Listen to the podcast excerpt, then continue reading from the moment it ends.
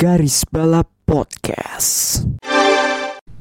Saya itu dulu pernah punya Twitter dengan eh, berapa ya? Sekitar 6000 follow 6000 Oh. follower Saya yang at, at, at, at MWS gitu loh. Iya.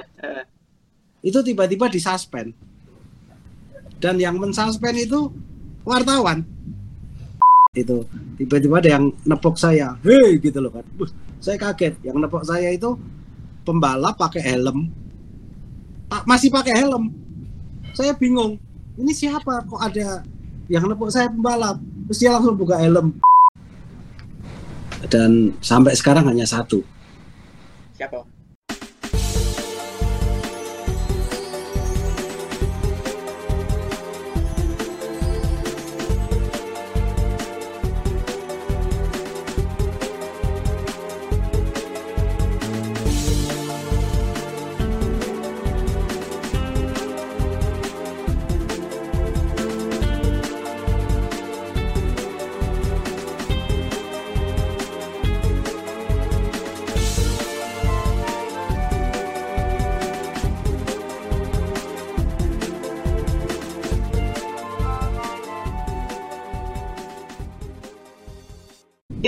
Kembali lagi di garis balap bersama gue Bagus. Eh, of course gue tidak sendiri ya, karena seperti biasa gue ditemani oleh Melinda dan Rifki. Hai. Halo, halo, selamat malam. Yang tadi malam begadang habis melihat drama Oscar Piastri dan juga Albin. Saya. itu, itu udah bener-bener paling silly banget dah. Oke, tapi eh, pada episode kali ini kita akan kita tidak akan membahas soal silly season dulu ya, karena ini episode sedikit berbeda. Karena kan biasanya kita bahas balap, review balap dan diskusi biasa gitu kan. Nah, kali ini episodenya bisa dibilang spesial, di mana ep- episode ini tuh menandakan segmen baru kita yaitu cool down room. Nah, segmen cool, down room ini eh, jadi jadi cool down room ini kita kayak mengundang orang yang telah lama ber- melintang berkecimpung pada dunia seputar balap gitu dan mengajak mereka untuk menceritakan pengalamannya entah itu pengamat motorsport, komentator atau jurnalis atau teknisi balap dan atau mungkin pembalapnya itu sendiri ya kita nggak tahu lah ya.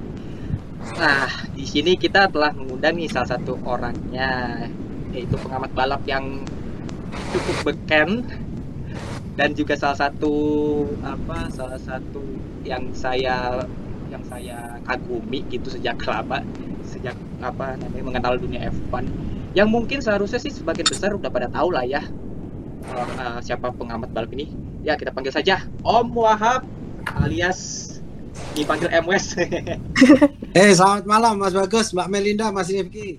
Selamat Apa kabar? Malam. Tapi nggak tahu kan kenapa MWS itu kan? Tuh Om Ya, sekaligus ya. Jadi sebenarnya bukan MWS, MWS. Ini nama saya kan Muhammad Wahab Soeharto. Soeharto nama ayah saya. Hmm. Nah, kalau di inisial dulu waktu kerja itu tulisannya MW dan S. Kalau saya gabung MWS, kira-kira gitu Mas Bagus. oh eh nama nama panggilan ya bisa dibilang Ya, ya banyak yang uh, waktu di kantor gitu MWS, MWS gitu loh. Akhirnya saya jadikan uh, nama untuk di pertama di Twitter sih waktu itu. Jadi, Hmm. jadi udah kelamaan ya dipakai di Instagram di mana-mana MWS gitu kayak MWS itu uh, sudah nempel di saya, makanya kadang ada yang manggil MWS gitu.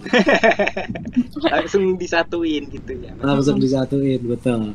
Betul. Jadi ini sekaligus memperkenalkan uh, diri saya. iya saya uh, pengamat uh, motorsport ya Uh, tapi ya pengamat motorsport yang bukan dari backgroundnya jurnalis maupun yang bukan dari yang lebih penting lagi bukan backgroundnya pembalap.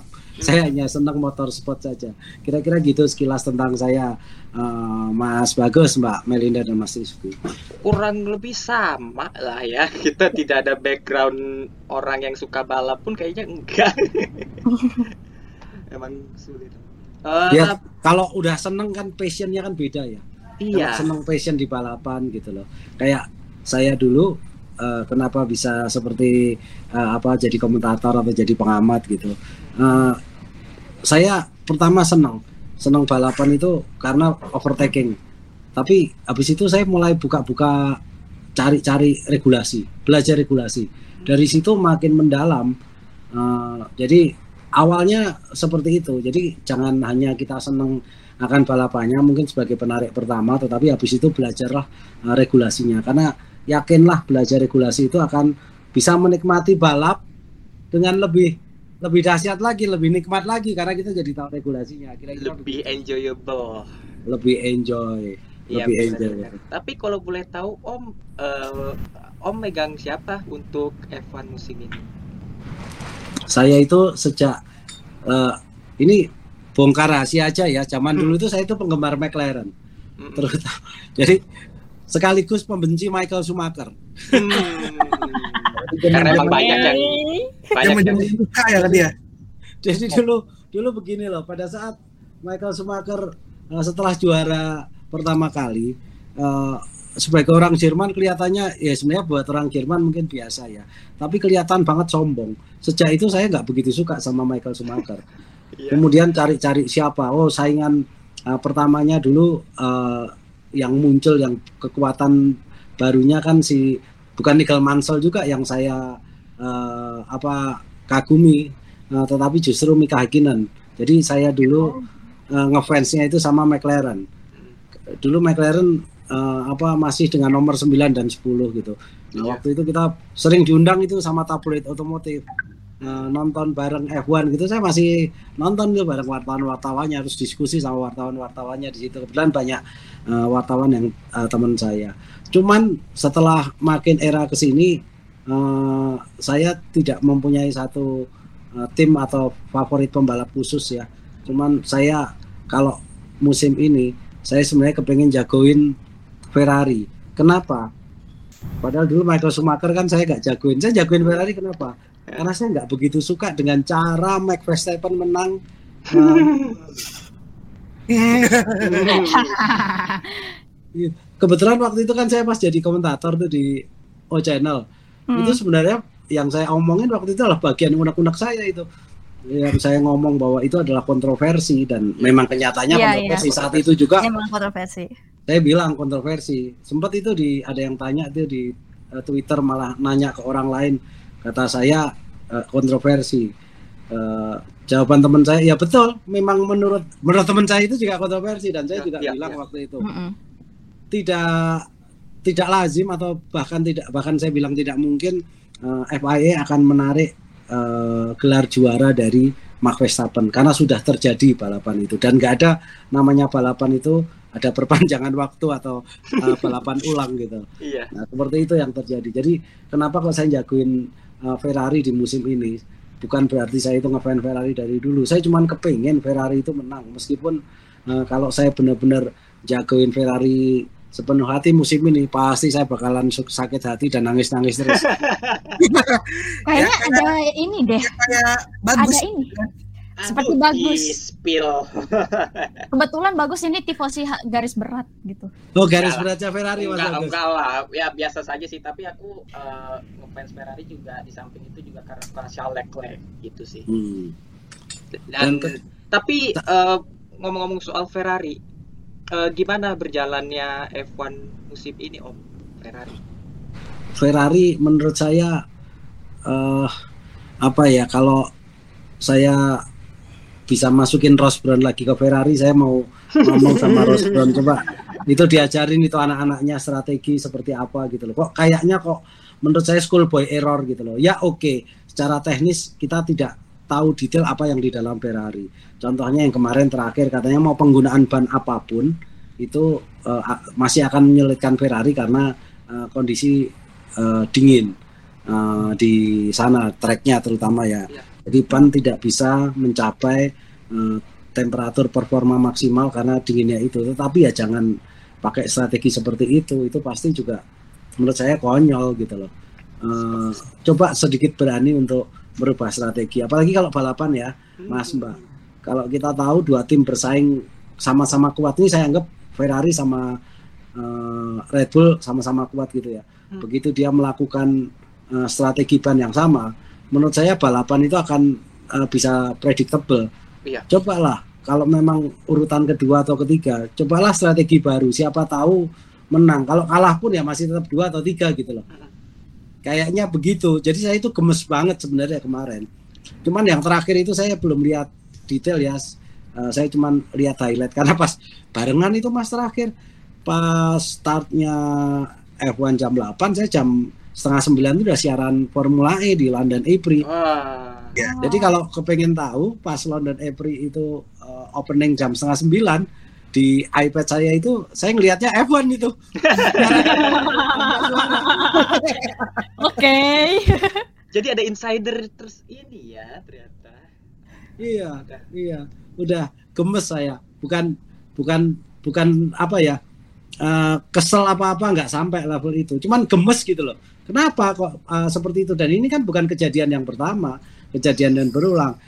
Di seri sebelumnya juga begitu. Saya kebetulan seri sebelumnya eh, masih di Mandalika kan eh, waktu itu kita lagi eh, ngomongin tentang race elektronik karena ada serah terima race elektronik dari vendor kita. Kebetulan vendor kita itu dua-duanya bule itu dari Itali.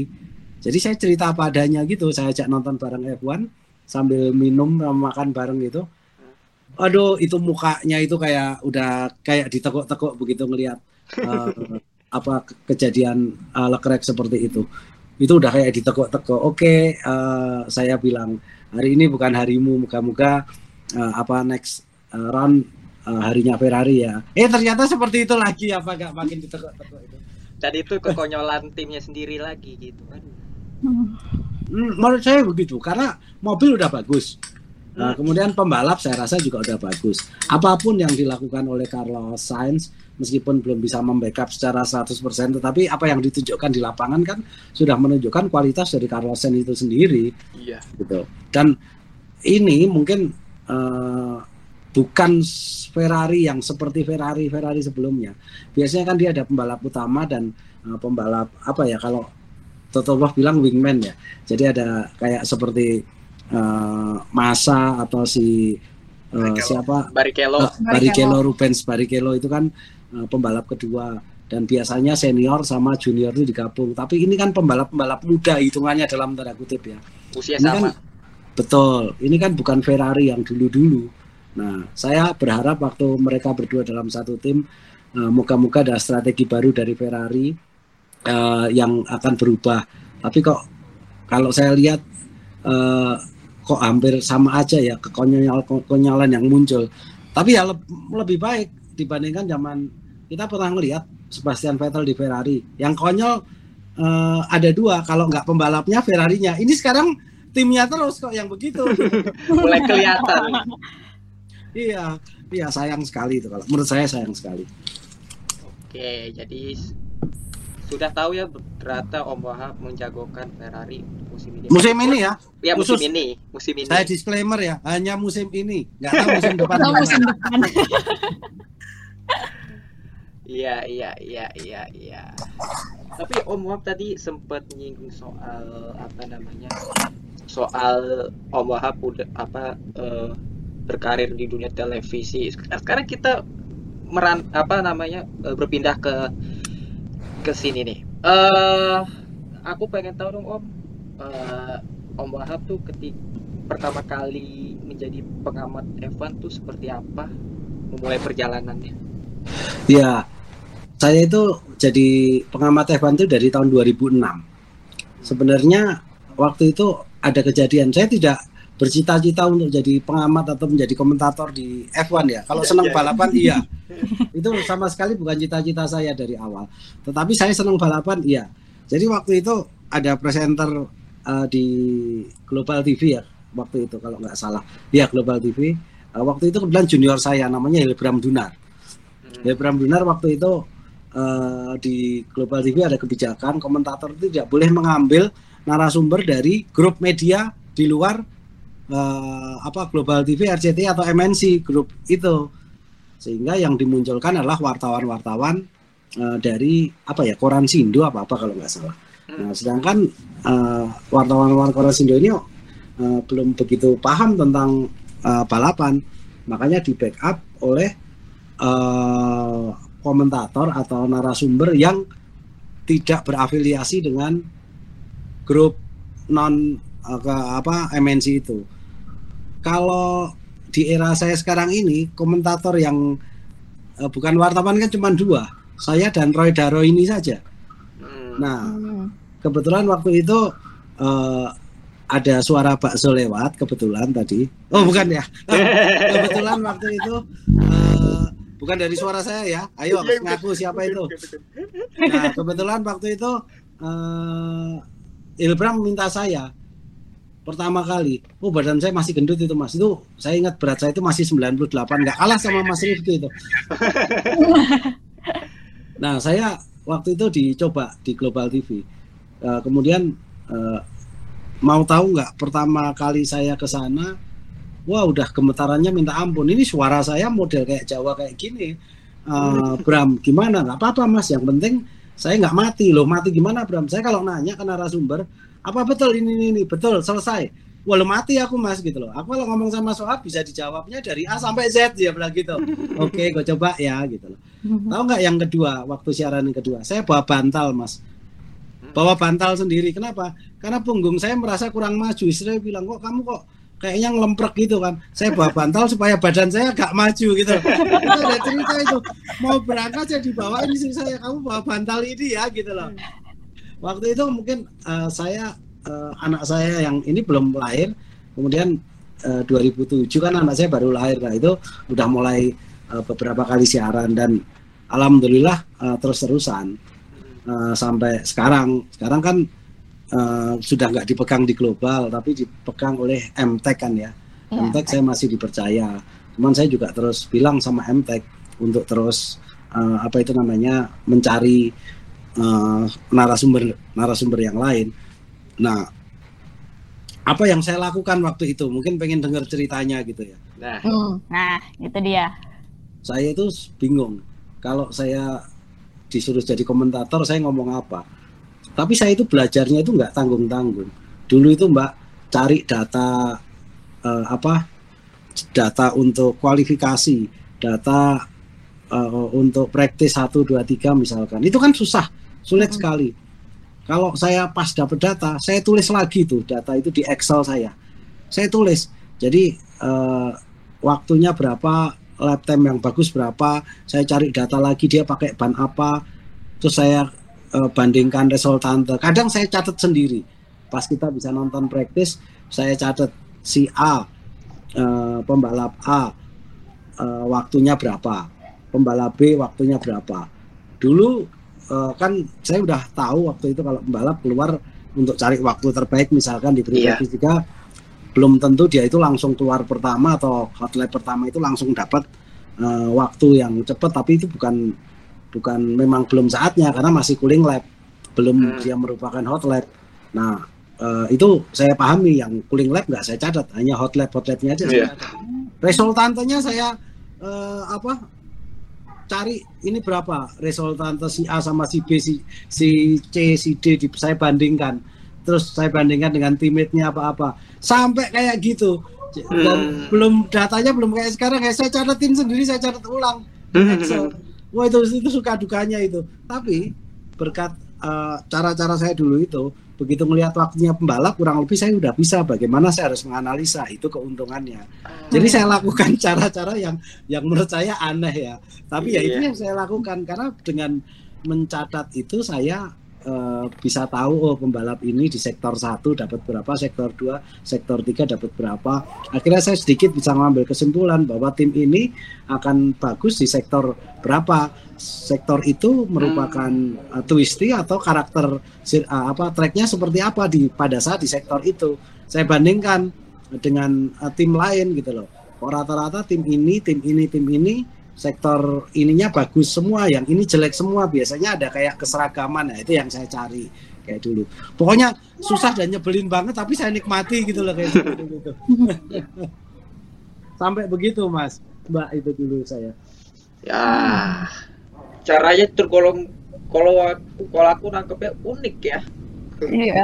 Kalau ya ya otodidak ya cara Ya, manual otodidak. segala macam ya dulu kebetulan eh, sempat tahun 2004 saya itu ngelola tim balap Toyota tim balap Toyota Toyota tim Indonesia waktu itu kan eh, tim balap Toyota kan bukan tim yang abal-abal tim nomor satu di Indonesia kan selalu bersaing dengan tim Honda di situ saya belajar manajemen balap jadi eh, dengan waktu yang tidak tidak uh, berselang banyak saya belajar uh, nonton balap kemudian mengelola tim akhirnya disuruh jadi komentator jadi uh, challenge itu saya ambil dan keterusan sampai sekarang bahkan sekarang udah saking keterusannya uh, harus tahu diri sekarang bahwa sudah saatnya cari pengganti yang baru supaya penerusnya ini jalan gitu loh Iya iya iya. iya. Tapi selain Om tadi di Global TV, Om sudah berkecimpung di televisi mana saja? Eh, saya hampir di semua televisi ya. Eh, kalau saya kan selain Formula One pernah di Formula 2 di Kompas TV waktu itu. Oh, Kemudian iya, ah, ada. Ya. siaran sendiri juga. Siar, maksudnya waktu itu tim jago. Saya lagi bantuin tim jagonya ayam kan waktu Iya. itu. Hmm. Diminta oleh Pak Ricardo Gelael untuk membantu eh, Sean Gelael. Nah, eh, itu eh, saya pernah di kan kita bikin sendiri tuh kita beli siaran sendiri tuh kemudian kita lakukan kemudian Formula E itu eh, saya baru mengiyakan setelah di iNews iNews Ah, kemudian eh, mana lagi ya? Eh, beberapa lah yang siaran-siaran seperti itu. Eh, tapi yang tidak kalah penting saya informasikan adalah alhamdulillah saya diberi bakat oleh Tuhan untuk selain bisa em, menjadi komentator juga menulis. Jadi saya tetap menulis. Karena menulis itu menurut saya sebuah seni. Iya. itulah eh, eh, pikiran kita dituangkan. Jadi waktu itu saya diminta oleh Kompas untuk menulis eh, des otomotif Kompas. Saya nulis saya coba nulis. Ternyata tulisan saya banyak disenangi. Eh, jadi Kompas terus minta saya nulis. Bahkan sekarang ini eh, oh pertama sebelum Kompas saya nulis dulu di majalah F1 Racing. Oh, waktu Majalah- masih eksis itu, aduh. masih eksis dulu betul. itu. betul. Dulu masih eh, dulu dari pertama kan kita sering nongkrong di majalah F1 Racing di kantornya itu di Senayan Patal Senayan. Itu depannya itu ada sate kambing enak banget. Jadi kita nongkrongnya itu di makan sate kambing itu. Nah itu saya sering nulis waktu itu di situ. Dulu belum ada sistem transfer jadi kalau kita main ke sana sekalian ngambil honor mbak. Honor nulis. Saya pikir honor itu nggak banyak nulis. Maksud saya honor mungkin buat traktir sate kambing juga habis kurang gitu loh. Tapi buat saya bukan bukan honor itu. Tapi eh, saya bisa mengekspresikan cara nulis saya. Tapi saya waktu belajar nulis juga nggak langsung bisa mas. Ke- kebetulan teman-teman jurnalis saya banyak. Saya minta diajarin sama mereka. Saya diajarin gimana opening yang bagus, ending yang bagus, eh, tengah yang bagus. Kira-kira saya itu juga minta belajar sama dia. Makanya pada suatu ketika 2019 itu saya ketemu Mas Bagus Hafiz itu saya bilang, Mas kamu belajar nulis, kamu kalau perlu eh, apa bimbingan ya sedikit-sedikit saya bisa bantu. Saya bilang Hmm. begitu. Iya, iya, iya. Kira-kira apa yang saya alami saya tularkan kepada orang lain karena kan niatnya kan kita selalu seeding the goodness berbagi kebaikan gitu loh. Selalu kita harus menularkan kebaikan di mana saja. Gitu. Mungkin dari Rifki atau Melinda mau ada yang mau dikatakan? Eh, aku sih paling ini pengen nanya ke Om Wahab ya. Eh, lebih ke suka dukanya sih selama eh, menjalani karir sebagai pengamat dan komentator di dunia balap di, di TV gitu. Ya, biasanya kalau gitu ceritanya pasti yang seneng dulu ya, Ah. yang diceritain. Suatu ketika eh, saya itu disuruh menjadi komentator di Kompas TV. Kemudian saya di eh, ditelepon oleh seseorang, kemudian saya diajak bertemu sama petingginya, petinggi Kompas TV waktu itu namanya Mas Boy. Cerita ke saya, eh, ngobrol sama saya. Setelah itu saya dijadikan komentator di eh, F2-nya Kompas TV. Eh, kemudian eh, sebelumnya saya diajak untuk datang di acaranya Sean waktu itu eh, taxi ride di Sentul. Iya. Taxi ride di Sentul itu saya datang. Loh mas saya itu waktu taxi ride di Sentul itu rencananya suruh memberikan ulasan atau memberikan komentar. Saya dibayar saya profesional. Hmm. Tetapi karena waktunya nggak cukup, akhirnya saya di sana ya makan gaji buta, cuman diem makan apa-apa nggak jadi naik panggung, tetap dibayarkan sesuai dengan eh, apa yang dijanjikan gitu loh. Dan lumayan juga. Nah akhirnya Pak Ricardo cerita, Hap kamu ini kan Jadi Pak Ricardo itu melihat Twitter saya rupanya selain eh, komentator saya di eh, apa TV gitu kan. Kamu apa-apa kamu bahas, apa aja kamu bahas. Kamu anu apa itu namanya pan kamu bahas ini semua kamu bahas. Kamu pernah ke sirkuit mana aja? Ya saya sirkuit di Asia Asia aja Pak. Kamu belum pernah ke sirkuit Eropa? Belum pernah. Kamu pernah ke pedok-pedok? Belum pernah Pak. Kamu ikut saya. Jadi, itu situ sukanya saya begitu diajak sama Pak Ricardo diberi kesempatan saya keliling. Itu kan F2 kan barengan sama F1 rata-rata. Iya. kali saya ikut F2 tanpa F1 itu di Jerez waktu itu di Spanyol seri Jerez F2 tapi saya kan di situ ketemu semua pembalap F1 saya ketemu sehingga jadi kenal banyak wartawan-wartawan di sana. Dan sekarang masih kontak banyak itu wartawan-wartawan. Iya. bahkan ada beberapa wartawan terkenal di motorsport itu yang mau ketemu Pak Ricardo. Itu ketemu saya untuk ngomong saya mau ketemu Pak Ricardo bisa bisa di arrange enggak gitu. Eh, jadi saya jadi kenalan sama dia saya komunikasi terus sampai sekarang. Makanya kenalan wartawan saya eh, di Eropa juga banyak. Kadang saya ngobrol ya ngobrolnya malah nggak banyak ngobrol. F1 sekarang karena eh, sudah informasi udah banyak tersebar. Eh, tapi lebih banyak ya bercanda-bercanda aja karena setiap ketemu saya pasti ketawa-ketawa. Nah, itu itulah sukanya. Saya eh, karena jadi komentator saya eh, apa sering cold tweet itu di Twitter saya diajak ke Eropa Hmm. gitu. Tapi dukanya ada juga. Saya itu dulu pernah punya Twitter dengan eh, berapa ya? Sekitar 6000 follow 6000 Oh. follower Saya yang at, at, at, at- MWS gitu loh. Iya. Itu tiba-tiba disuspend. Dan yang mensuspend itu wartawan. Saya tahu itu datanya semua dan siapa orangnya gitu. Tapi saya nggak mencoba untuk yang pertama kebetulan saya kenal sama orang nomor satu Twitter di Indonesia ya. Eh, kemudian langsung dibukakan. Jadi dia cerita ke Twitter internasional bahwa siapa saya diceritain. Eh, pengaruh saya di dunia motorsport Indonesia seperti apa diceritain. Yang kedua saya udah karena udah dua kali. Yang kedua memang ada salah saya. Jadi saya mengcapture apa itu LK21 itu apa? Oh, Yang ini film-film. stream- streaming ilegal film. ah. Iya, ilegal itu saya kan sempat nonton eh, ada film eh, bagus banget eh, tentang perang salib gitu loh. Eh, eh, waktu Tiberias ngomong, saya Muslim tapi saya waktu itu sangat terpesona dengan Tiberias eh, ngomong sesuatu gitu. Saya capture, kemudian saya masukin ke Twitter dan ternyata itu eh, apa pelanggaran hak cipta. Saya pikir ini udah kedua kali ya, mungkin eh, Tuhan nyuruh saya untuk tidak lebih banyak di Twitter eh, di sini ya. Mungkin akan di di tempat lain atau di sisi lain ya udah nggak nggak saya urus itu. Akun akun. makanya banyak yang ketemu saya lagi dengan akun yang baru. Saya nggak pernah bahas cool tweet pada nanyain gimana mas? Ini ini ini ini. Iya iya iya saya bilang begitu. Udah itu itu dukanya. Mungkin salah satu cerita suka duka. Cerita suka lain banyak. Cerita duka lain banyak. Tapi yang saya bahas tadi benang merahnya ada di sosial media kira-kira gitu mas Rifki Hmm. sosial media eh, buat saya eh, maksudnya begini saya bersosial media tapi komen apa apa udah saya nggak anggap udah mau ngomong apa netizen saya biarin aja yang penting niat kita selalu berbuat baik Hmm. kasus Betul. Piastri kayak gitu kan juga sebenarnya selain ada kasus kan juga sosial media yang eh, apa pasti yang akan memperbesar eh, masalahnya kan gitu. Mhm. masalahnya kan cuman komitmen hal yang sepele yang komitmen belum disepakati kan. Sebenarnya intinya kan begitu kan. Iya betul. Iya. akhirnya Iya, jadi betul. berkembang gitu gitu.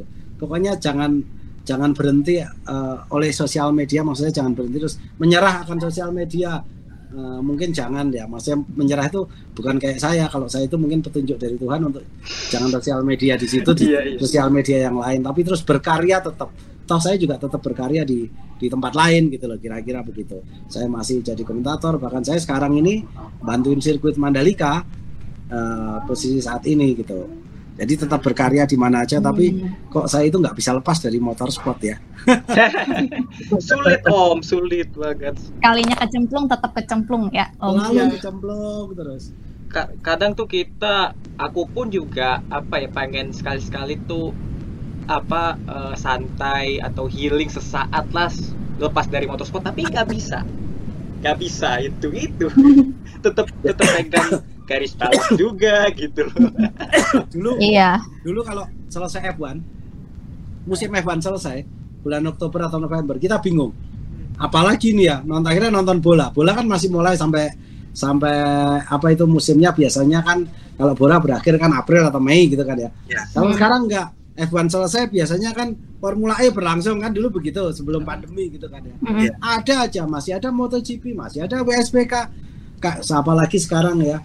Kita punya uh, TV yang uh, kita bisa langganan macam-macam saya ada satu langganan itu. Saya boleh ngomong ya apa uh, channelnya gitu ya? Nggak apa-apa kan ya? Silahkan silahkan sih.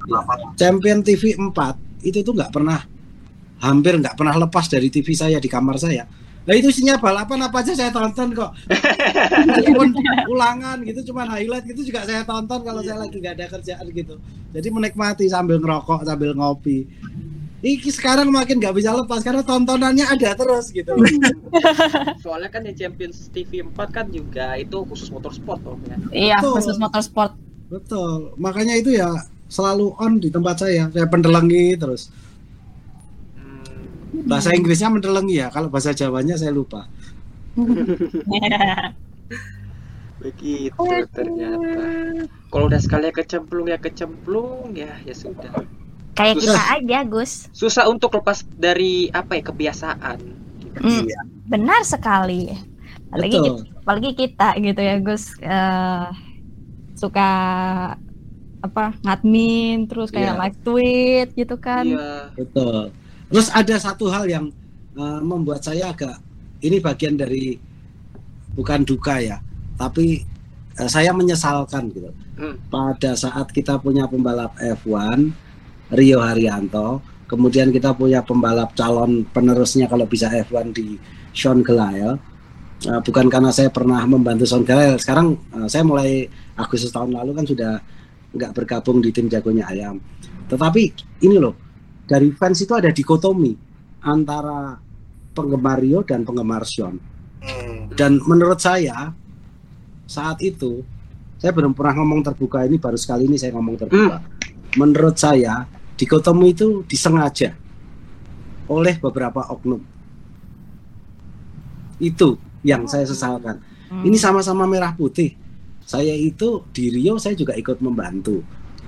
Bahkan sampai komunikasi ke orang nomor satu di Indonesia untuk tetap membantu Rio sampai balapan akhir musim tapi akhirnya gagal meskipun itu. Kemudian saya diminta bantuin di Sean saya lakukan. Semua siapa pun waktu itu saya berbicara siapa pun yang mengharumkan nama Indonesia yang berusaha untuk mengharumkan nama Indonesia di, tempat atau area yang saya sukai dalam hal ini motorsport pasti akan saya dukung siapa pun itu saya nggak pandang siapa pun itu orangnya. Tetapi ada kelompok-kelompok yang mendikotomi ini sehingga kayak terjadi pertentangan fans eh, apa antara fansnya Rio dan fansnya Sean Gelael ayo ini dari pendengar podcast ini masih ada yang begitu ya. saya pikir pasti ada dan itu saya cukup menyesalkan. Sampai sekarang saya moga-moga tidak akan terjadi lagi. Karena yang kita dukung sama-sama orang Indonesia Iya. kita harus harus satu merah putih harus ada di dada. Kita dukung semua orang Indonesia yang uh, di dunia motorsport. Iya, di mana pun ya mereka balapan pun tetap kita dukung gitu. betul betul. Nggak gampang loh. Hmm. apalagi nyari pembalap F1 22 uh, apa pembalap diperebutkan oleh penduduk yang berapa miliar ini. Bayangkan saja. Presiden aja jumlahnya lebih banyak daripada pembalap F1 Iya. Iya, bener. Nah, itu apalagi kita udah punya pembalap atau calon penerusnya. Dua-duanya siapa pun itu karena Indonesia, karena merah putih harus kita dukung. Iya. Kira-kira begitu. Di mana pun apalagi sekarang alhamdulillahnya Sean masih bisa berkompetisi di WEC ya. Iya, iya, dalam pintu itu.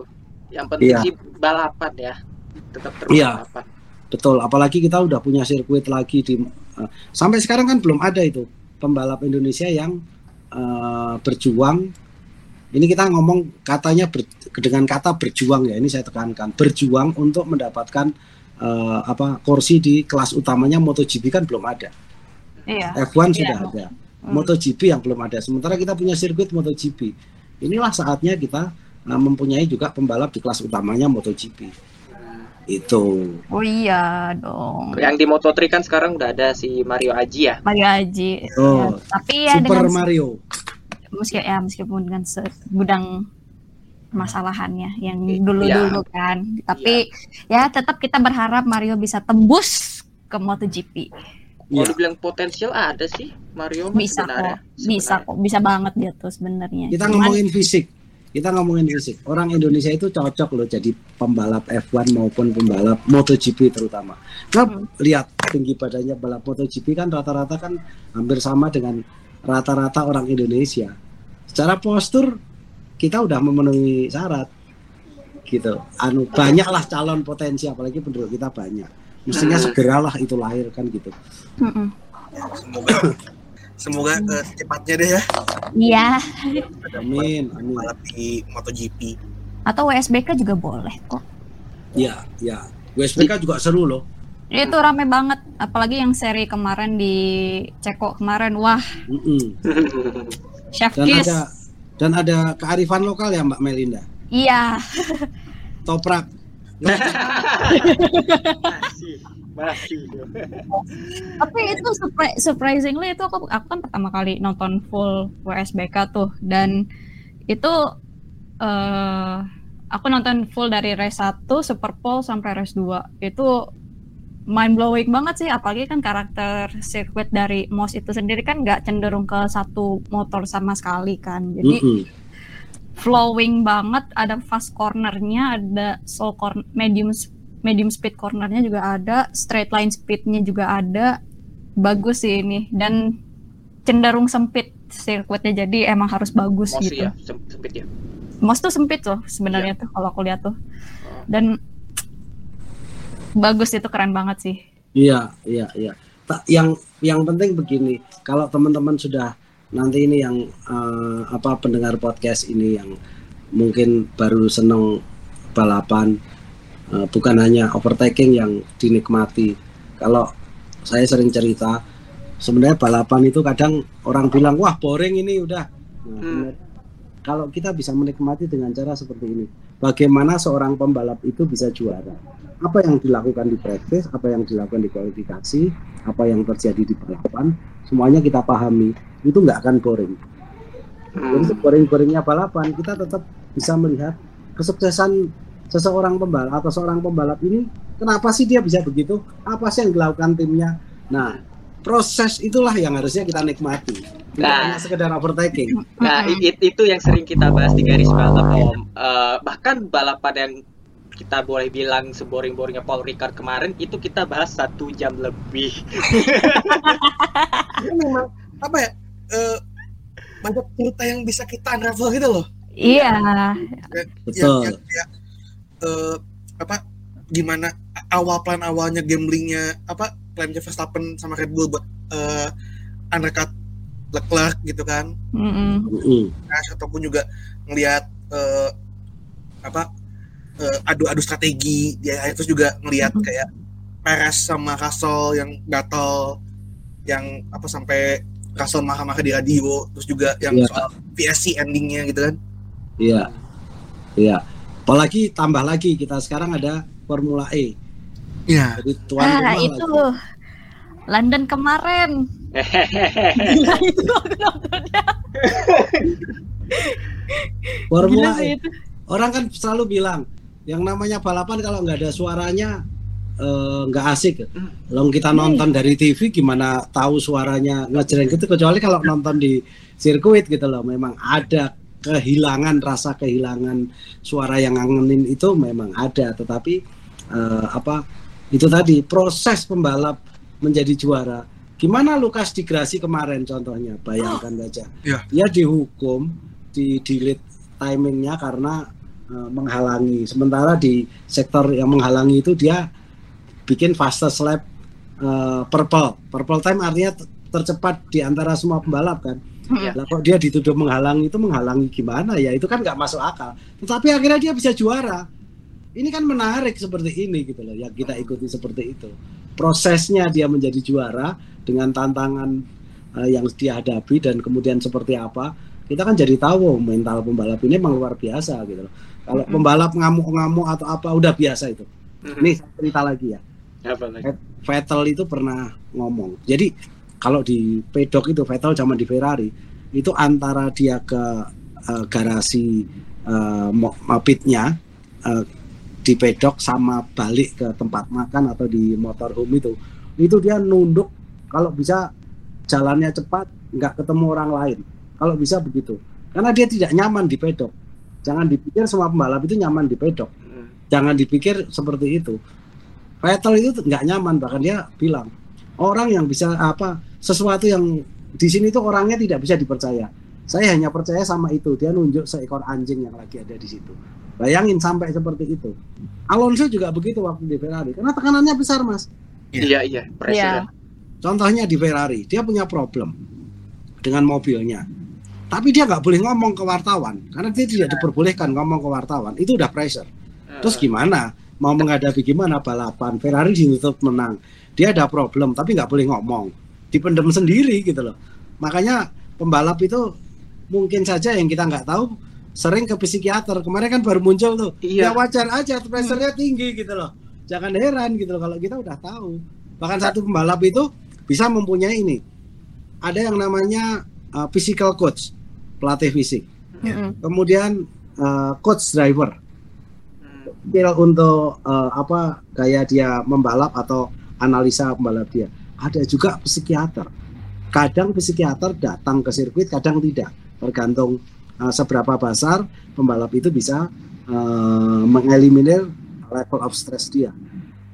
Nah itu tapi eh, krunya pembalap itu banyak yang namanya physical atau eh, apa personal coach yang bidang fisik itu pasti mendampingi kalau itu ya. Hmm, Iya. Iya. Karena kira-kira eh, 45 menit sampai setengah jam sebelum balapan atau mungkin sejam sebelum balapan dia mulai keluar dengan eh, beberapa ini eh, apa biasanya yang dilatih itu terakhir itu adalah konsentrasi. Jadi tiba-tiba ada dia bawa bola tenis, bola jatuhin dia harus ini yang mana harus kadang ada kayak Christmas tree atau apa di papan itu ada lampunya. Oh, iya. Dia harus tunjuk iya. lampu gitu-gitu. Ya Ya. seperti itu udah udah sering kita lihat di pedoknya pembalap apa yang dia lakukan gitu. Jadi ya alhamdulillah saya mendapat kesempatan melihat seperti itu. Jadi kurang lebih tahu situasi sebelum balapan itu seperti apa. udah Yang jelas tingkat stresnya tinggi lah. udah masa udah persoalan fisikal tapi juga persoalan mental ya. Balap Betul. itu gila itu ya.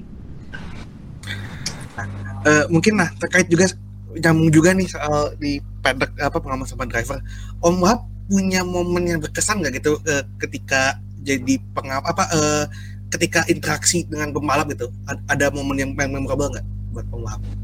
Eh, berkesan atau mungkin saya yang sedikit bego atau lucu gitu ya. Jadi suatu ketika begini, waktu itu ada di Barcelona ada tes. Setelah Ah, ya. balapan ada tes di Barcelona. Kemudian saya duduk sambil ngerokok di dekat toilet. Eh, kayak ada tangga, tangga mau naik ke pedok pas klub itulah. Iya iya Nah, iya. duduk- Iya, iya, iya. duduk di tangga di situ. Saya sambil ngerokok ngelihat itu tiba-tiba ada yang nepok saya, hei gitu loh kan. Wah, saya kaget. Yang nepok saya itu pembalap pakai helm, Pak masih pakai helm. Saya bingung. Ini siapa? Kok ada yang nepok saya pembalap? Terus dia langsung buka helm. Terus saya ketawa, saya ngakak. Pembalapnya itu ada bukan pemba, ah, maksudnya bukan line up utama driver F1, waktu itu si Anto Anto. Anto itu Anto, Antonio Giovinazzi. Kita manggil Anto. Oh. si Anto nepok saya eh gitu loh. Apa kabar? Ada apa ya? Dia ngomong eh friend gitu loh. Eh kaget saya. Karena dia waktu itu pakai kalau nggak salah dia lagi ngetes Alfa Romeo Ah, Ah. pembalap Alfa Romeo nggak ada model seperti ini. Terus ini siapa ya? Gitu. dia helm saya baru tahu. Itu saya saya ketawa itu. Jadi itu eh, terus pertama kali saya diajak Pak Ricardo juga eh, selain peristiwa Anto itu saya diajak ketemu Hap temenin saya. Saya mau ketemu sama Franz Franz Tos. Restos. Franz Tos. Eh, waktu itu belum Alfa Tauri ya masih Scuderia Toro. Rosso. Rosso. Ya, temu saya ditanya, kamu makan apa? Eh, apa pilihannya Oh, Franz gitu loh. Terus saya pilih spaghetti. Terus Pak Ricardo juga makan sedikit. Terus minum saya dituangin sama Franz Tos gitu. Kita ngobrol bertiga gitu loh. Jadi saya merasa saat itu saya adalah satu-satunya pengamat motorsport Indonesia yang pernah dituangin minumannya sama principal tim. Fun fact gitu. Fun fact. Jangan om, itu itu si bapak tua itu baik banget orangnya, lucu lucu lucu. Saya pernah di Monaco, uh, Francis pengen ketemu Pak Ricardo, uh, dia bilang, "Hap, itu kan nggak bisa masuk. Kalau kita kan nginep di Fairmont, Fairmont itu yang tikungan Loe Haripin itu kan. Iya, Iya, ya. Itu pada saat balapan tidak semua orang bisa masuk ke Hotel Fairmont, harus ada gelangnya. Atau kita punya gelang nunjukin saya punya tamu ini mau masuk. Nah, itu baru diperbolehkan oleh security. Nah, saya disuruh jemput Francis di bawah. "Hap, Itu si Fran ada di bawah, anu apa itu mau datang. Eh, tolong dijemput ya karena saya masih ada eh, meeting. Oke, saya jemput ke bawah. Saya tungguin setiap mobil keluar, saya ini kok Francis nggak ada. Francis nggak ada. Tiba-tiba saya lihat ada bapak-bapak tua naik motor. Dia kebingungan muter-muter gitu loh. Mau parkir motor di mana? Eh, Frans, saya bilang gitu. Francis datang naik motor. Hotel itu. Terus saya Wow. bilang sama security, ini tamu saya. Eh, dia mau ketemu saya di kamar sekian. Oh ya, oke. Motornya diparkir di situ aja. Jadi satu-satunya parkir motor di antara parkir mobil mewah itu Francis naik ke atas. Kemungkinan si si itu juga tahu si siapa security-nya itu. Eh, kalau Francis itu eh, prinsipalnya Scuderia Toro Rosso saya antar ke atas Francis itu. Ya kayak gitulah pengalaman eh, cerita-cerita eh, lucu, pengalaman menarik terhadap eh, apa interaksi dengan eh, apa kru atau personel atau pembalap atau ini prinsipal F1 ya Mas Rifki. Kalau Hmm. yang lain sering ketemu eh, eh, macam-macam lah Eric Julia terus si Paddy Law eh, siapa lagi ya banyak lah sampai saya ketemu di Bahrain itu sama Niki Lauda Niki Lauda juga Pak. Almarhum Niki Lauda ya. Nama lengkapnya almarhum Niki Lauda sekarang. Nah, itu juga eh, apa orang yang saya kagumi Niki Lauda. Hmm. apalagi kalau teman-teman udah lihat film Ras itu pasti makin kagum akan Niki Lauda. Iya. luar biasa. Mm. luar biasa. Saya sangat salut sama Niki Lauda. Mm-mm. Oke, tapi sebelum kita lanjut lagi bertanya-bertanya lagi, ini ada breaking news dari Williams Racing yang eh, memperpanjang kontraknya Alex Albono multi year, surprisingly. Hmm. Ya, well, not su- surprise, not surprise sih sebenarnya gitu. Tinggal kita men- menebak-nebak tandemnya siapa nih. Menurut Om Wahab nih, tandemnya Alex Albon siapa nih? Eh, saya pikir dengan keadaan seperti ini William juga masih belum ini kan semenjak Sir Frank William nggak megang secara langsung. Kemudian ada kasus dengan Petty Law eh, kan di situ kan orangnya Patrick Head kan masih banyak ya. Itu saya pikir eh, itu disaster menurut saya.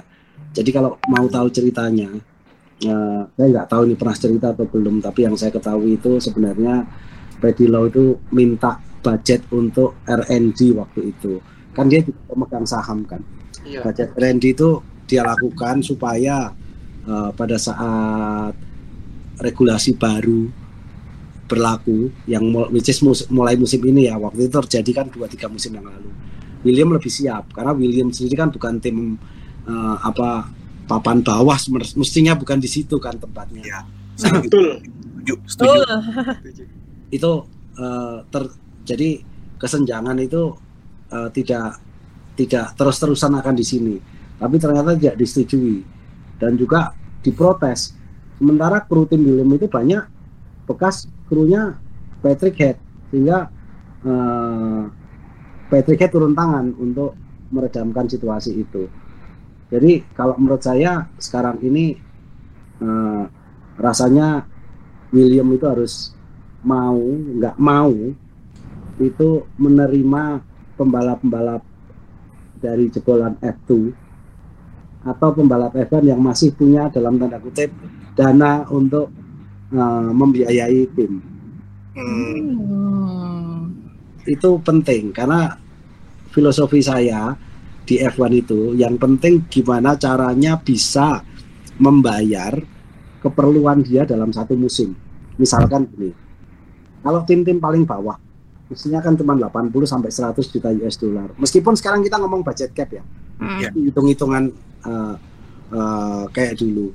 Kalau di papan tengah mungkin antara 100 150. Kalau udah di atas 200 itu pasti tim bahkan level McLaren, Mercedes itu budgetnya mungkin di atas 400 gitu. Nah, eh, terus biaya kira-kira berapa sih? Ya kira-kira biaya antara 60 sampai 80 juta US dollar. Itu gimana caranya tertutup oleh sponsor di dalam satu musim? Mereka dapat dari mana? Satu sponsor, yang kedua pembalap.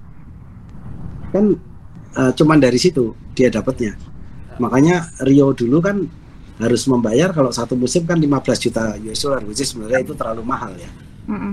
gitu. Kemudian eh, apa itu namanya? Kalau satu musim tercapai, dari mana keuntungan tim itu? Dia kan ada concord agreement. Concord agreement itu kan perjanjian bisnis mengenai hak siar. Pembal atau tim yang baru setelah tiga tahun ketiga atau artinya tahun keempat dia akan dapat satu royalty. Royalty sendiri punya syarat macam-macam. Royalty atas history, royalty atas eh, apa prestasi pembalap, royalty atas macam-macam gitu lah Iya. eh, prestasi musim lalu. Meskipun Mercedes waktu itu juara, tetapi royalti yang diterima Ferrari jauh lebih besar atas dasar Ah. history. History. Secara histori. Jadi ada ada persentasenya. Kamu tampil selama satu musim kamu dapat sekian, mungkin semua tim sama.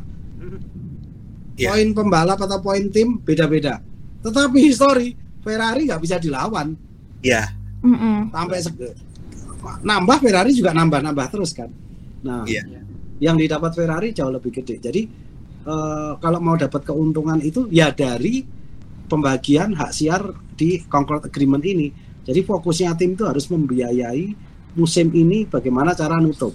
Biaya itu mungkin bisa dibagi menjadi empat ya. Pertama biaya operasional, Mm. kedua biaya eh, marketing, ketiga biaya gaji pembalap maupun gaji tim, yang keempat eh, adalah R&D. Meskipun eh, agak beda misalkan R&D bisa 30%, yang ini 8%, tapi kurang lebih eh, dibagi empat itu hampir hampir hampir semua kurang lebih sama more or less eh, rata lah gitu loh. Nah, dia harus dapat William itu adalah eh, bayaran dari pembalap yang bisa nutupin cost balik lagi. Jadi saya pikir eh, siap-siaplah, apalagi kalau William bisa dapat orang kayak siapa Nikita Mazepin gitu pasti duitnya banyak gitu loh. kira-kira gitu. Aduh, jangan om. Aduh, tapi orangnya udah nggak bisa balap lagi, Om. Kebetulan. Ini kita kan kita kita ngomong bisnis kan. Nah, Iya. mes- Iya. mestinya kalau dia bisa cari itu Lando Norris itu juga anak orang kaya loh. Iya. Iya. Iya, iya. Lando Norris eh, bapaknya itu ketemu di mana itu ya? Saya lupa. Di Monza apa di mana? Masih di F2. Pakai sepeda. Sepedanya mereknya Norris gitu. Terus kemudian oh di Le Castle juga waktu Hmm. makan pagi sarapan gitu ada ini siapa sih ini? Orang kok anu banyak omong. Eh, ternyata bapaknya Lando Norris gitu dia cerita dia apa itu namanya ah, orang kaya. Dia habis jual perusahaannya karena perusahaannya untung gede apa-apa karena dia masih punya perusahaan lain.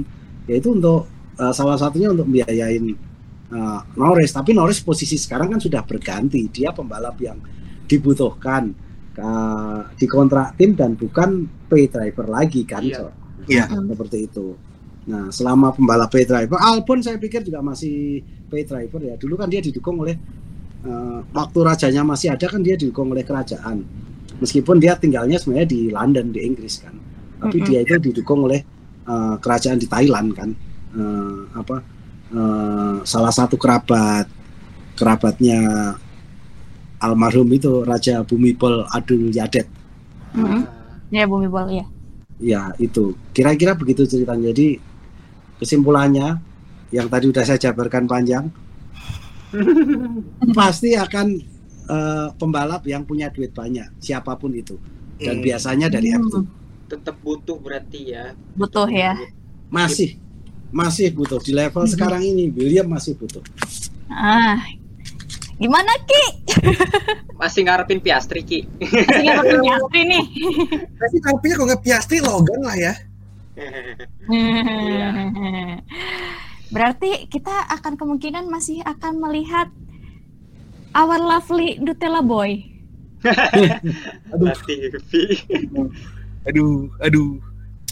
ya ya mungkin tapi eh, apa itu namanya ya kita nggak tahu lah apa yang terjadi gitu. Mm-mm. kayak kayak kemarin sebenarnya peristiwa Oscar Piastri ini saya sendiri juga eh, kok bisa gitu ya terjadi di eh, F1 di mana legalnya itu sangat-sangat ketat di masing-masing tim gitu loh.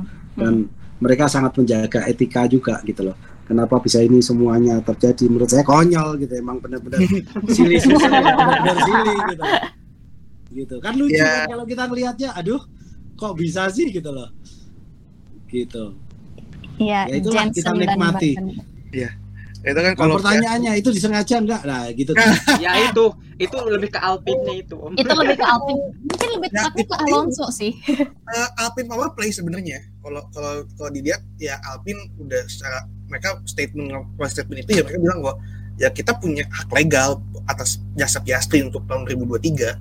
hmm. Situasinya mirip sama ini sih Om Eh, Alex Palou sama Chip Ganassi Racing di IndyCar tahun ini. ya tapi kan haknya hanya sampai 31 Juli kan gitu loh Nah, Iya. kabarnya begitu. Oh. Beredar. ya lebih ke Alpine sih ya kalau bisa bisa Iya. kita simpulkan Heeh. iya Aduh. Ini Piastri jauh lebih gokil daripada Schumacher loh. Schumacher bu- butuh satu balapan buat ada legal battle buat Ya. rebutin jatahnya. Piastri belum FP1 aja belum pernah ikut udah ada legal battle kayak gini. iya. makanya tapi percaya nggak kalau Mick Schumacher nanti akhirnya akan ada di Ferrari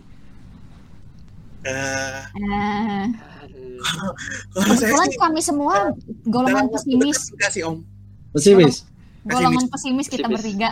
untuk saat ini saya saya dulu mungkin dua tiga musim yang lalu saya bilang ke teman-teman saya kan punya grup WA gitu kan ya sama teman-teman namanya F1 Indonesia gitu loh. Nah itu kalau mau gabung gabung aja. Tapi jangan heran itu isinya mak anu bahas makanan bahas tenis bahas apa tapi tetap F1 pokoknya pokoknya boleh ngomong apa saja di grup F1 kecuali menggunjingkan moderator eh, menggunjingkan admin. Nah, pendirinya kan saya itu tidak boleh menggunjingkan itu itu sebenarnya ada ceritanya loh. ada itu adalah bagian dari lelucon nah jadi eh, saya bilang waktu itu eh, suatu saat George Russell juga akan di Mercedes kok nggak usah nggak usah ini eh, itu memang akan di Mercedes cuman waktunya kapan? Ternyata kejadian bener kan gitu loh. Nah saya juga sekarang hari ini saya ngomong ya Mick Schumacher itu akan ada waktunya nanti di Ferrari entah kapan. Dengan syarat ya dengan syarat ya. Dia nggak usah nggak usah harus bersinar kok di khas anu dia cukup ya dapat poin secukupnya lah Eh, dia akan suatu saat di, di- akan ada di Ferrari kemungkinan akan dititipin di tim mana dulu tetapi eh, akhirnya di ujung-ujungnya di Ferrari ada syaratnya ya Hmm. Iya. Hmm, bisa. hmm, Ya, ya. tapi 60-70 persen Mick Schumacher akan ada di Ferrari Hmm. Hmm. ya mungkin tidak seperti ayahnya ya yang dalam waktu 5-6 tahun di Ferrari mungkin Mick bisa lebih lama tapi akan ke Ferrari ya om. Kira-kira begitu. Ah. tapi karena waktu F2 aja dijagain. Dijagain di Ferrari. Jelas. waktu itu Sean di Prema juga. Hmm, ya benar-benar mau tahu waktu Mick Schumacher juara dunia F2 ya. Malamnya eh, dia pesta juaranya hanya berempat termasuk Mick dengan siapa saja siapa sih om Mick sama pacarnya Sean sama pacarnya berempat ya saja.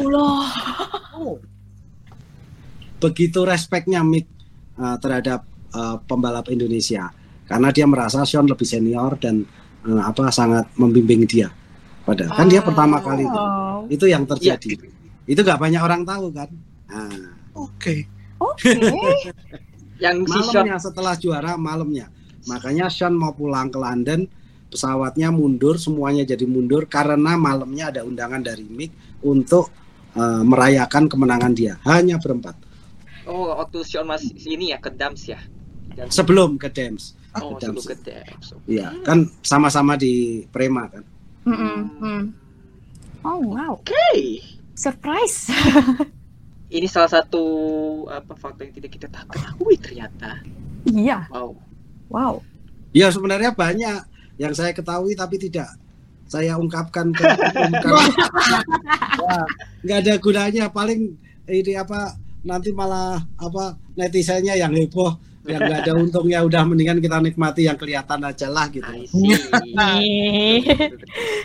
Tapi Om eh, banyak banyak sekali. Jujur banyak sekali. Iya, tapi contohnya kayak peristiwa Daniel Ricciardo terakhir di Red Bull kenapa kok eh, apa itu namanya Dan di waktu itu di Hungari Hmm. di Hungari saya ketemu sama bekas eh, bekas eh, apa mekanik di STR Scuderia Rosso yang sudah berpindah di Ferrari Academy. Nah, saya waktu itu makan sama dia sebelahan habis itu nonton eh, balapannya F1 di ruang makan restorannya eh, F2. Wah, kita ngobrol. Saya nanya kok kenapa kok bisa kayak gini? Kenapa kok dia telat keluar? Kenapa mobilnya? Mobilnya eh, perasaan nggak ada kabar apa apa ternyata ada hal yang disengaja. Dan saya lihat di Netflix Drive to Survive nggak ada juga itu. Diungkap tetapi tidak dalam. Gitu.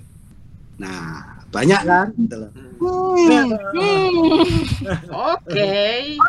jangan jangan teman-teman pikir sudah nonton Drive to Survive itu sudah mengetahui segalanya Tidak. belum Tidak. itu kan kameramen yang nggak ada yang nggak ada berita kan gitu loh dia lagi ada di mana gitu loh kira-kira gitu teman-teman ya DTS terlalu ini sih over dramatisasi sih hmm. keseringannya. Apalagi season 4. Waduh, Itu saya tidak nonton sampai akhir. Oh, Cuma saya, maraton, episode cukup. saya maraton, saya maraton satu malam sekaligus. Menyesal kemudian.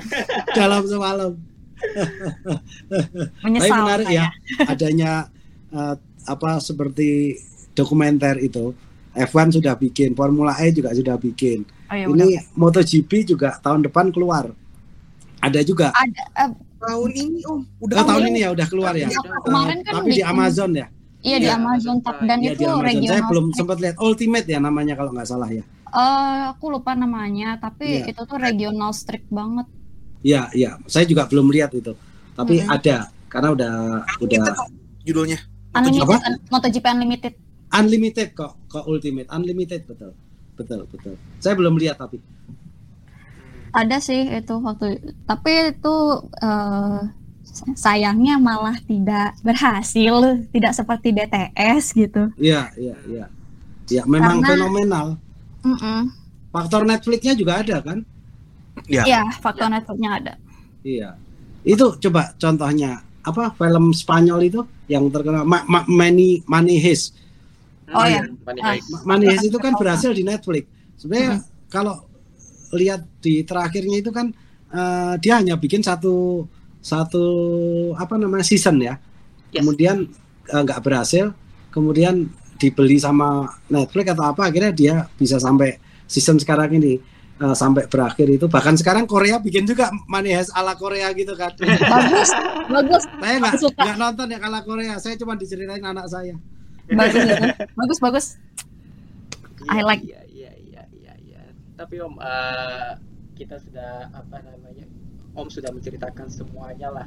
Kayak Om pernah ke pedaknya dan juga Om juga sebelum-sebelumnya menceritakan karir Om selama di TV suka dan dukanya dan peristiwa ajaib lainnya. Eh, di luar balap aktivitas Om apa saja sih? Eh, saya sekarang eh, membantu sirkuit Mandalika. Eh, saya menjadi eh, Vice President of Motorsport dan kemarin ditambahin eh, Vice President untuk operation juga. Jadi semua operation dan motorsport ada di bawah saya. saya dibantu oleh beberapa manajer dan supervisor sama beberapa staff. Jadi eh, yang stay di Mandalika juga. Jadi saya sendiri eh, senengnya saya di Mandalika. Terakhir saya kemarin ke sana eh, sekitar dua minggu ya. Saya menikmati sekali dan nggak ada namanya Sabtu Minggu itu eh, nggak ke sirkuit karena berangkat ke sirkuit itu sebuah eh, menyenangkan. Kebetulan kemarin Mandalika meskipun panas tapi anginnya itu dingin sekali lagi kenceng. Di luar itu kebetulan saya juga eh, eh, direktur di salah satu perusahaan distribusi oli. Mungkin kalau saya boleh cerita merek motor tapi di bukan di otomotifnya tapi di industrial oilnya. Jadi ak- aktivitas utama saya di situ. Dan juga saya masih membantu eh, mantan perusahaan saya yang sebelumnya eh, di bidang tambang, supply ke tambang. Nah seperti itu. Kira-kira itulah. Jadi bisa bisa ngebayangin bagi-bagi waktunya kan. itu udah triple job kayak om Iya. juga dengan ya jadi apa eh, analis atau pengamat di TV juga kan Om Iya. Iya, iya. Iya. Kalau sekarang loh saya itu sampai sekarang itu masih tetap belajar loh. Artinya eh, nggak tampil di TV misalkan mau jadi ini eh, itu santai-santai aja, cuman lihat berita terus apa nggak nggak bisa begitu juga. Saya juga kadang sekarang ini tapi saya lebih eh, apa itu namanya beberapa hal yang saya kepengen tahu detail. Kadang saya tanya sama wartawan-wartawan eh, yang ada di pedok gitu ya. Kebetulan kan Mas Bagus tahu saya itu kan orang motorsport pertama Formula E Jakarta IPRI kan waktu Iya. itu. yang iya itu jadi eh, saya juga masih punya hubungan dengan teman-teman di Formula E Operation. Kadang saya bercanda tanya-tanya apa suatu gitu. Bahkan beberapa rahasia kan juga diceritain ke saya. Makanya kadang saya eh, cerita tapi ya tidak vulgar Nah, tentang Formula E. Kemarin kalau ada orang yang komen katanya riset saya itu lebih eh, apa nggak hanya dari sekedar Google mungkin ya karena saya mendengar langsung dari eh, pelakunya dan petinggi-petingginya gitu loh. terjun Nah, itu langsung Mm-mm. keuntungan keuntungan saya. Nah di situ eh, apa sebenarnya kalau menurut saya di luar drama-drama F1 Formula E itu juga menarik menurut saya dan eh, menariknya itu makin lama makin menarik lah kalau menurut saya. Mm-mm. Kita jangan ngomong unsur politiknya ya, motorsportnya saja sangat menarik sekali. Mm. Di luar motorsportnya yang nggak menarik menurut saya. jadi, jadi, eh, apa kadang saya diwawancara eh, sama wartawan itu ada yang saya tolak karena pertanyaannya itu cenderung ke motorsport yang dipakai untuk menampar ke arah politik. Nah itu yang saya hindari. Ah, saya nggak dia. mau terlibat di di hal yang seperti itu. Karena bahwa motorsport eh, itu adalah hal yang eh, apa itu sangat sangat apa sangat menurut saya dinikmati itu sangat luar biasa. Tidak tidak harus eh, digabungkan dengan yang lain-lain. Hmm. kalau Iya, pernah iya. dengar wawancara saya di beberapa TV kan dipancing pun saya balik ke motorsport dipancing bahkan ada yang saya tolak wawancara dari langsung gitu loh. Wah Oh, eh, saya nanya dulu ini wawancara soal apa? Soal ini gitu loh. Wah itu tanya ke yang lain aja jangan ke saya. Sering begitu pada saat form menjelang Jakarta IPRI kemarin. Padahal padahal banyak yang bisa ditanyakan ya. Kenapa harus Iya. itu gitu. Loh. ya ya ya makanya saya selalu mendorong pertanyaannya itu impact dari motorsport ke yang lain. Contohnya kayak Formula E itu kan eh, dia kan punya eh, tagline kan change acceleration and change gitu kan itu kan sebenarnya mengarah ke sustainable energy atau renewable energy dan itu yang sangat eh, sebenarnya diperlukan jadi ada satu program yang mendorong eh, program-program lain di Indonesia contohnya misalkan Jakarta Langit Biru atau atau Indonesia harus eh, apa itu namanya mengembangkan energi. Ini saya cerita ya. Fotovoltaik atau apa solar panel Indonesia secara keseluruhan baru dimanfaatkan satu persen. Iya benar. Renewable energi secara keseluruhan, eh sorry, solar panel 4 persen, renewable energi secara keseluruhan baru satu persen. Kita Benar. ini solar panel nggak usah pakai rotator atau untuk mengarahkan ke sinar matahari mau bentuknya kayak apa saja, nah, kita udah dapat sinar matahari karena kita di area katulistiwa kan. Hmm. Nah kalau itu tidak kita manfaatkan, baru solar panel itu, belum biomass, belum eh, apa hidro, Iya. uh, air, belum angin, belum laut.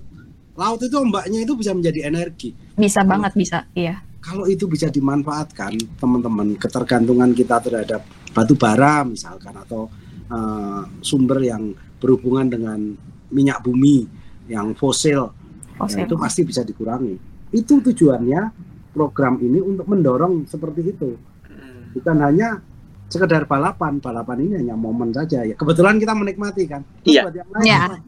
ini adalah pressure pendorong untuk ke situ Hmm. Makanya waktu itu kalau acara waktu itu masih saya kan di Monas itu.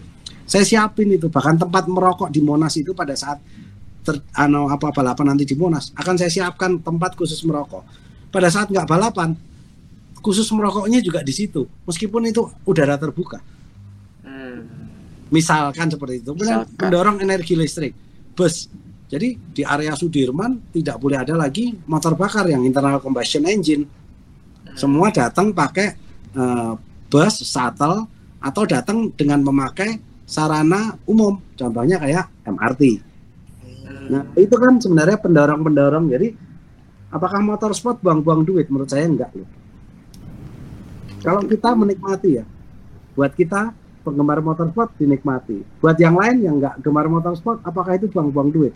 Mestinya enggak Hmm. bagaimana caranya? Karena itu adalah industri. Motorsport itu industri.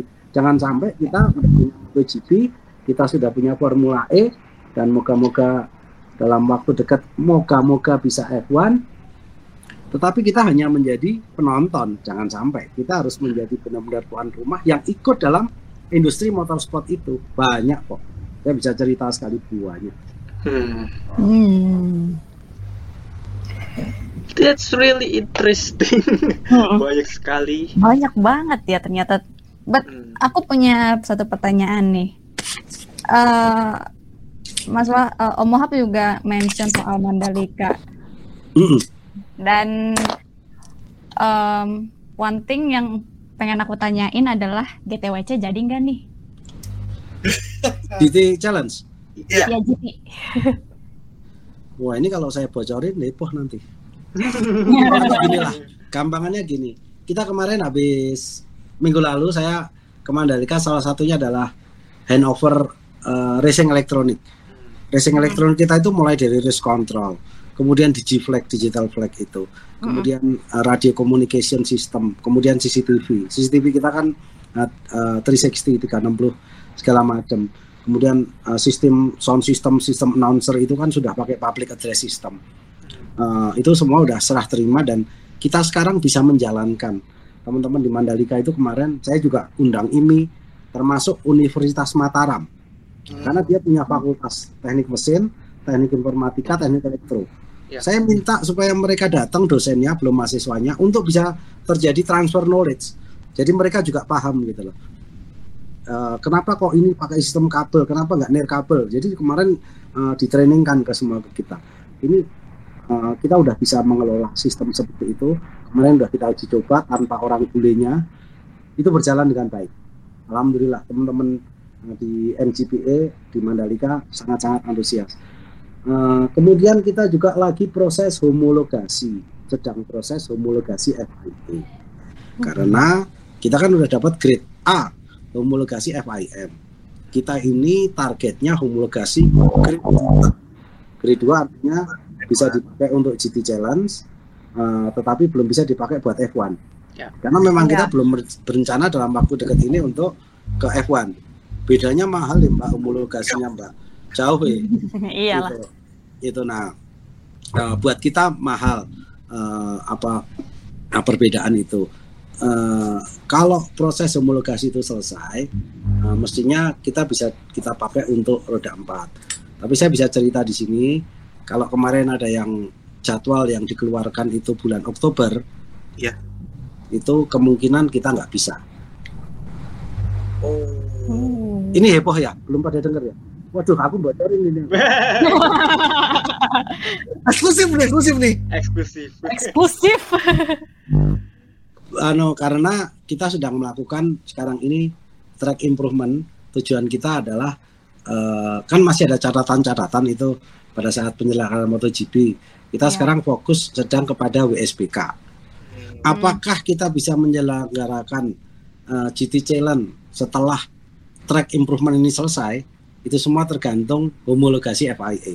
Iya. Jadi ketergantungannya dengan hal-hal yang lain karena kan sebenarnya bisa kompromi. Kan ada beberapa sirkuit yang dipakai FIA sama FIM. Paling dekat Sepang lah. Sepang walaupun terakhir 2017 F1, tapi kan sekarang bisa dipakai untuk MotoGP. Dan homologasi itu setiap mau balapan homologasi loh. Bukan homologasi ini berlaku selama eh, sekian tahun enggak loh. Setiap tahun. Jadi setiap Oh. ada namanya proses homologasi, dicek lagi meskipun homologasi kan homologasi awal itu ada yang namanya uh, inspection di track segala macam juga ada simulasi tesnya kan. Pada saat homologasi kedua nggak ada simulasi tes kecuali ada perubahan infrastruktur kita, gravel bed berubah atau uh, ada apa namanya peredam atau tag pro atau apa pun yang kita pakai. nah itu ada na- namanya simulation test dan simulasi tes simulasi itu juga nggak murah. Tapi homologasi itu dilakukan setiap menjelang balapan. Ada gitu. Bayar. Loh yang penting itu loh. Bayar udah mesti bayar. Bayar. Kita Bayar. masih bayar. Nah apakah kita bisa? Ya tunggu saja kabarnya tetapi kita sekarang lagi proses track improvement. Yang kemudian eh, paralel kita eh, sedang eh, saya sudah bersurat. Kita sudah bersurat ke Ikatan Motor Indonesia untuk proses homologasi ini. Suratnya sudah diterima. Tetapi di bulan Oktober itu akan ada event internal dari Shell namanya Shell Eco Marathon yang mahasiswa-mahasiswa itu Oh iya iya iya. Iya, Nah, tahun ini ada di Indonesia Oh. di Mandalika. Iya. Oke. Saya boleh cerita karena apa? Sudah kontrak dengan kita. Kalau belum kontrak saya nggak boleh cerita. Oke. Event itu kan bagus itu. Selain pakai internal combustion engine, ada yang pakai hidrogen, ada yang pakai listrik kendaraannya gitu kan. Prototipe semua kendaraannya Yes. Mm-mm. gitu. Terlalu bocor ya saya ya. nggak apa-apa jadi Ya, eh, konten kok. eksklusif garis balap Ya garis balap tuh emang ya udah keluarkan semua. keluarkan unek-unek anda gitu kan Unek-unek se- unek-unek sebagai fans, sebagai Fans. pengamat gitu Pengamat. kan. Tapi yang Mm-mm. aku bisa tangkap dari Om Wahab ini men- deng- dalam apa ya setelah Om Wahab bercerita soal pengalamannya di televisi dan pengalamannya di terjun langsung ke sirkuit dan lain-lainnya bisa aku simpulkan ya Om Wahab ya bukan hanya sebagai pengamat tapi sebagai fans juga gitu. Hmm. Jadi kalau teman-teman bilang Mas Wahab ini komentator, tapi begitu masuk Mandalika jadi eksekutor. Karena saya kemarin itu pada saat official test MotoGP saya di Marshall di racing team. Jadi saya membawai waktu MotoGP itu malah 500 orang lebih. Hmm. Di mana 400-nya itu memakai akreditasi Dorna. Kita itu ini mau cerita sedikit ya. Akreditasi Dorna itu kita mengajukan itu hampir eh, atau 2000 lebih sedikit gitu loh. Ditolak sama Dorna. Ini nggak perlu akreditasi. Akhirnya kita cuma dipakai 800 kurang 800 700 sekian 400 sendiri saya makan separuh akreditasi Dorna itu untuk racing komite dan itu sudah berantem. Hmm. saya ngajuinnya eh, sekitar 800-an juga. Saya dipotong cuma sedikit karena Dorna tahu bahwa bagian saya ini memang wajib memakai eh, apa eh, akreditasi dari mereka. Hmm. gitu. Jadi jadi eksekutor sekarang. Hmm. pengalaman untuk eh, menjadi racing komite secara langsung. Tapi jangan kalau ke Mandalika jangan nyari saya di pedok atau di mana saya hanya ada di tenda Marshall Hmm. Oh. memang area saya ada di situ. Saya eh, waktu itu bawa dua HT, satu eh, malah tiga malah, satu track, eh, satu flag, satu lagi internal logistik kita. Jadi tiga HT itu di sebelah saya nyala semua itu. Jadi apa yang terjadi di lapangan, eh, saya lihat malah eh, TV. Selain itu saya juga eh, perhatiin dari itu kan. Nah nanti waktu WSBK eh, saya mungkin akan nongol-nongol sedikit juga di race control. Hmm. Eh, nanti itu saya akan menjadi rencananya saya diplot menjadi deputi chief racing committee karena chief racing committee-nya dari IMI.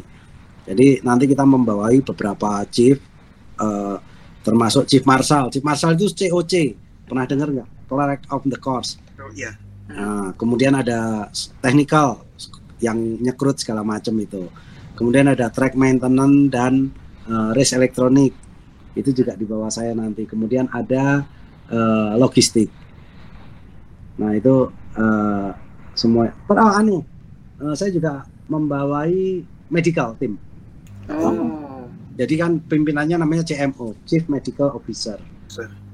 Gitu dan alhamdulillah sekarang ini mulai banyak orang-orang Indonesia yang mempunyai sertifikasi terutama dari FIM eh, untuk bisa menjadi eh, pemegang chief di beberapa area pada saat penyelenggaraan MotoGP event nomor satu roda dua ya kelas nomor satu gitu loh Iya, makin iya. banyak. Jadi orang makin tertarik yang lisensinya udah mati, kepengen mau perpanjang lagi segala macam seperti itu.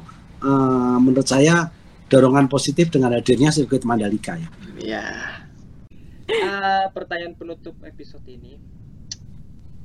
Om punya pembalap favorit, all time favorite gak? Hmm. Pasti Apa pun ada. itu, apa pun itu. Pasti ada. Dan sampai sekarang hanya satu, Siapa? Arton Senna da Silva. Nama lengkapnya almarhum Arton Senna da Silva. Saya sangat kagumi itu, sangat saya kagumi sampai sekarang. Dan karena Arton Senna lah, eh, saya senang F1. Hmm. Meskipun dia hanya hanya nih ya dalam tanda kutip juara dunia tiga kali, Iya. tapi apa yang dia lakukan itu mencerminkan seorang pembalap yang gentleman, berhati bersih Hmm. dengan segala apa yang dia lakukan. Suatu ketika dia pernah hanya berhenti balap untuk nolong, sama seperti kira-kira yang dilakukan oleh George Russell kemarin. Hmm. Tetapi eh, itu menolong eh, nyawa pembalap lain. Hmm. dia nggak peduli eh, habis itu balapan dia nggak boleh balapan lagi atau enggak mungkin nggak peduli itu pembalap yang saya kagumi dan rasanya belum ada pengganti ya kebetulan saja dari F1 dialah pembalap yang saya kagumi Hmm. Dan the one and only aja sih Ayrton Senna soalnya emang untuk saat ini belum dan mungkin tidak akan ada Ayrton Senna da Silva yang baru sih karena Senna Senna ini apa ya ya itu unik beda dari pembalap di eranya dia gitu. iya Cara, cara memang paling unik. sih. seniat itu, seniat itu. iya yang saya sebenarnya waktu eh, diajak ke Eropa sering gitu yang belum saya lakukan satu yang saya masih kepengen lakukan adalah mengunjungi patung Sena di Mola ya. Di Mola. di Imola. Padahal saya waktu itu di, di Monza sih udah sering ya. Eh, tapi kita nginepnya kan nggak di Monza karena di sirkuit Monza. Sirkuit Monza itu sirkuit itu di tengah satu eh, taman yang besar sekali. Kalau teman-teman masuk dari depan pintu utama di bagian belakang itu ada lapangan golf. Nah, saya udah muter-muter ke semuanya. Eh, itu eh, waktu itu saya hitung kalau saya ke sana sebenarnya nggak nggak lama, hanya 2-3 jam itu sudah sampai ke bolonya ke eh, sana gitu ya. Eh, tapi saya nggak ada waktu karena waktu itu eh, kita biasanya kan ke Monza kan habis ke Spa dari Belgia ke Monza biasanya. Ya. Eh, itu saya bawa mobil, kita bawa mobil, kita bawa tiga mobil perjalanan 1000 kilo melewati lima negara untuk mencapai Monza. Monza itu dekat Milan gitu. Ya. Tapi hampir nggak ada waktu saya pergi ke eh, apa itu ke patung. Saya kalau ke Brasil mungkin nggak ya satu-satunya eh, di Itali itu yang masih kepengen eh, saya kunjungi. Saya cuman kepengen eh, apa ngomong sama patungnya Sena. Sena, terima kasih ya. Lu memberikan inspirasi kepada gua untuk selalu tetap senang motorsport. Hmm. Halo pros fans. Anda dengar ini?